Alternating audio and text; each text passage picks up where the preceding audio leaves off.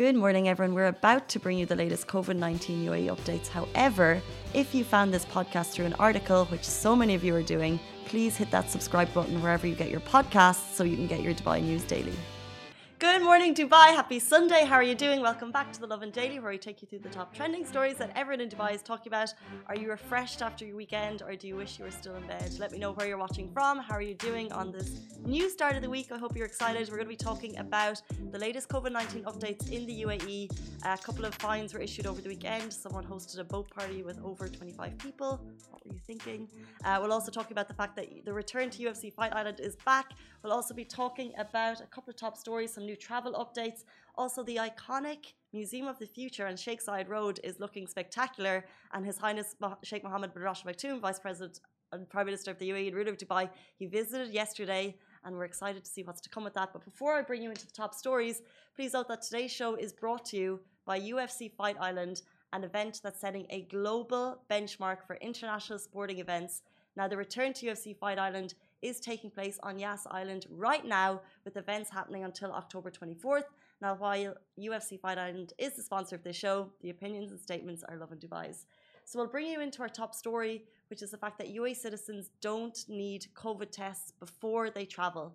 So over the weekend, Dubai's Supreme Committee of Crisis and Disaster Management, they announced new travel updates, basically amendments to travel protocols, and UAE citizens will no longer need a PCR test prior to departure for Dubai, regardless of the destination they're coming from or time spent in that destination.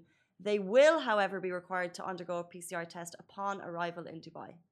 Now, as well as that, it's worth noting that for residents and tourists, a PCR test remains mandatory prior to departure for Dubai, while a further update stated a PCR test while exiting Dubai is mandatory only for passengers traveling to a destination that requires a pre travel negative test certificate. Um, so just very quickly to kind of go over that, what that means. Citizens, UAE citizens, so Emiratis flying into the country, they don't need a pre, a pre, a pre, a pre PCR test before leaving. Residents and tourists still do. However, if we're leaving the country, you only need to provide that negative test depending on the country that you're going to if they require it. I think a lot of countries still do, of course, but it's worth checking where you're traveling to when they require it. We'll move into further stories, the latest COVID 19 updates in the UAE. So, in the last 24 hours, the Ministry of Health conducted 117,812 tests as part of its plans to expand the scope of tests. Now, 1,231 cases were announced, taking the total number of cases to 97,960. 1,051 new recoveries take the total number of recoveries to 83,274. So we always kind of bring you the latest numbers, which you can see if you're watching on Facebook beneath us. Also, uh, over the weekend, Dubai Economy has been doing the rounds and checks on local businesses. They're doing this every day, and I think that kind of can bring you peace of mind if you are kind of venturing out, going to coffee shops, going to the supermarkets. Do know that there are checks happening across the city by authorities to make sure that they are different venues, locations, whatever it may be, shops, supermarkets, banks, whatever that they are, are that they are compliant with precautionary measures. So on Friday, the DED reported 713 businesses were compliant, 13 were fined, and one was warned. While a yacht party, by the way, this came from Dubai Police, a yacht party was shut down after 25 guests were found to be partying, not a, uh, not a, not applying social distance measures, and not wearing masks. Dubai Police shut it down, and the pilot who organised it, he's been fined 10k.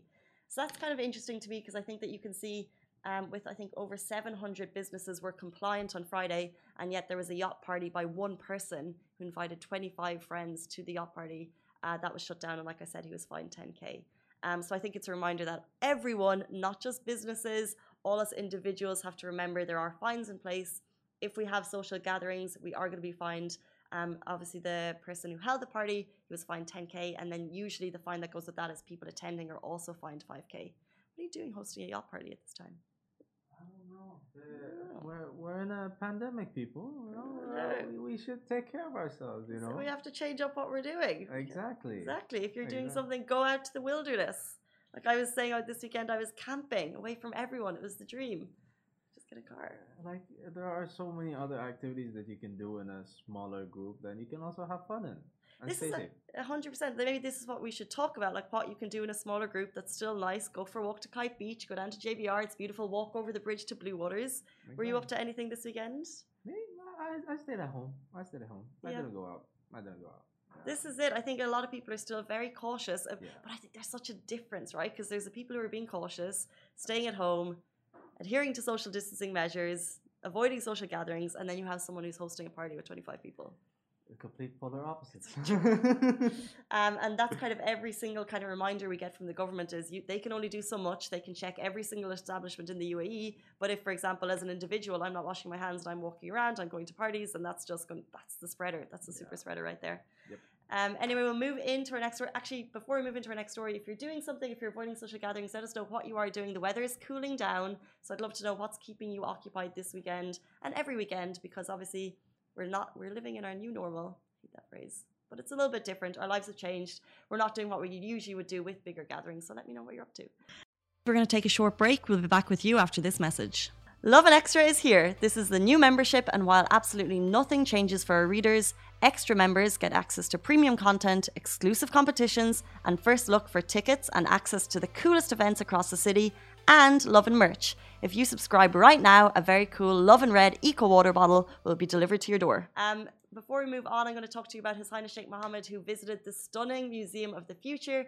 Yesterday, I don't know if you saw them splashed everywhere. We saw iconic pictures of His Highness Sheikh Mohammed bin Rashid Maktoum, Vice President of the UAE and ruler of Dubai, visiting the Museum of the Future, where he witnessed the placement of the last panel of the Future's facade, which symbolizes the start of the final phase of construction.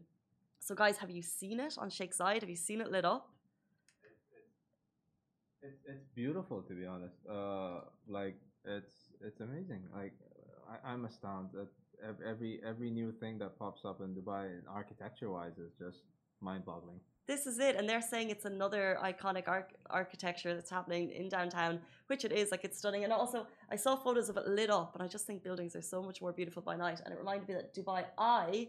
Have you seen it lit up? I haven't seen that many photos of it, but at night I passed it, and some of the pods, which look a lot bigger now that you can see more of them, when they're lit up, it's absolutely beautiful. I'm so excited for what's to come in terms of visiting these. Hopefully, in the near future. ho- hopefully, we get to ride in that soon. we get to ride it. I know. Yeah. And like it's happening so quickly. uh, I think I wish we could do nearly a marker, but from the office here in JLT, you could see in Dubai, you can see Blue Waters. Um, no, you can see in Dubai. There's one, two, three, what? Maybe 10, 12 from the top, but we can only see like the top part. So there's probably maybe They're getting there. Another getting couple. I think it's 24, 27 in total. So they're getting there quite quickly after Yeah. nothing for so long, Yeah. and now you can. It's like, I can I can see how uh, the Instagram feeds once it's once it's fully fully open and, and running, the Instagram feeds of pictures and stories. I can see it now. Like, Okay, yeah, same. I also always think it's interesting. So, um, pre pods on the Ain Dubai, when you took a photo, that's so when uh, you know when a photographer takes a beautiful photo of a certain area, um, and they kind of they can never use those photos again because it's so clearly that they're old. It's so clear that they're old. Mhm. So now all of those photos, but that kind of happens in Dubai all the time. Like you might take a photo of a certain area, and then two years later, it's so clear that it's an old photo. Even if it's beautiful, you can't reshare it. Yep. Anyway, we'll move on to our final story. The return of the UFC Fight Island has begun. So, putting on a major sporting event in the midst of a pandemic is no easy feat. But UFC Fight Island in Abu Dhabi did it first, and the world was watching, and now it is back, which is so exciting. The return of UFC Fight Island is proof that mega sporting events can be held with the highest health and safety measures. So, this is pretty much setting a benchmark for international sporting events worldwide. The return to UFC Fight Island Safe Zone bubble concept was proof that international sporting events can go ahead while also earmarking Abu Dhabi as a safe, tolerant, and accessible destination for tourists worldwide. So, hats off to them for that. As you probably know, all the fighters have landed, and to move freely within the UFC Fight Island Safe Zone bubble concept, all fighters, admin teams, every single person in that safe zone must undergo a period of quarantine, um, which is so cool to hear how that how it's rolling out. We've actually saw Khabib is in town. His fight's not happening until October 24th. It's very exciting. Spotted in Dubai, praying over the weekend. Um, but we have the fight nights, which are still to come. October 10th, UFC Fight Night, Moraes versus Sandhagen. October 17th, Fight Night, Ortega versus the Korean Zombie. Finally, big scorecard, October 24th, Khabib versus Gaethje. G A E T H J E. I'm excited. Gotcha. You excited? Yeah, I'm in love. I'm in love with UFC. Have you been watching them all so far? Yep, Khabib, uh, my number one guy. So this, I mean, he's he's an icon in the Middle East. I feel like there's some there's a connection there that there's fans have a massive love for Khabib here, especially yeah. in the UAE. Um, and you also kind of every time he comes, he doesn't just come whatever he's been here a couple of times over the over the last couple of years he'll come and he will kind of hang out with people. And like you'll see him at like I remember seeing him at a polo sporting event like two years ago. He was praying in Dubai this weekend. And but that's kind of cool because I think he's kind of like getting to know the culture getting to know the mm-hmm. people here. And now he's back on October 24th of course he'll be entering that UFC safe uh, bubble zone quarantining and then having that fight on October 24th which is the final part of UFC Fight Island which is very exciting. All of that is happening on Yas Island Abu Dhabi Guys, those are top stories for today. Thank you so much for tuning in. We're back every single weekday morning. Let us know your thoughts about the stories in the comments below. We love to read them after the show, and we'll see you tomorrow morning, same time, same place. Bye. Guys, that is a wrap for The Lovin Daily. We are back same time, same place every weekday morning. And of course, don't miss The Lovin Show every Tuesday where I chat with Dubai personalities. Don't forget to hit that subscribe button and have a great day.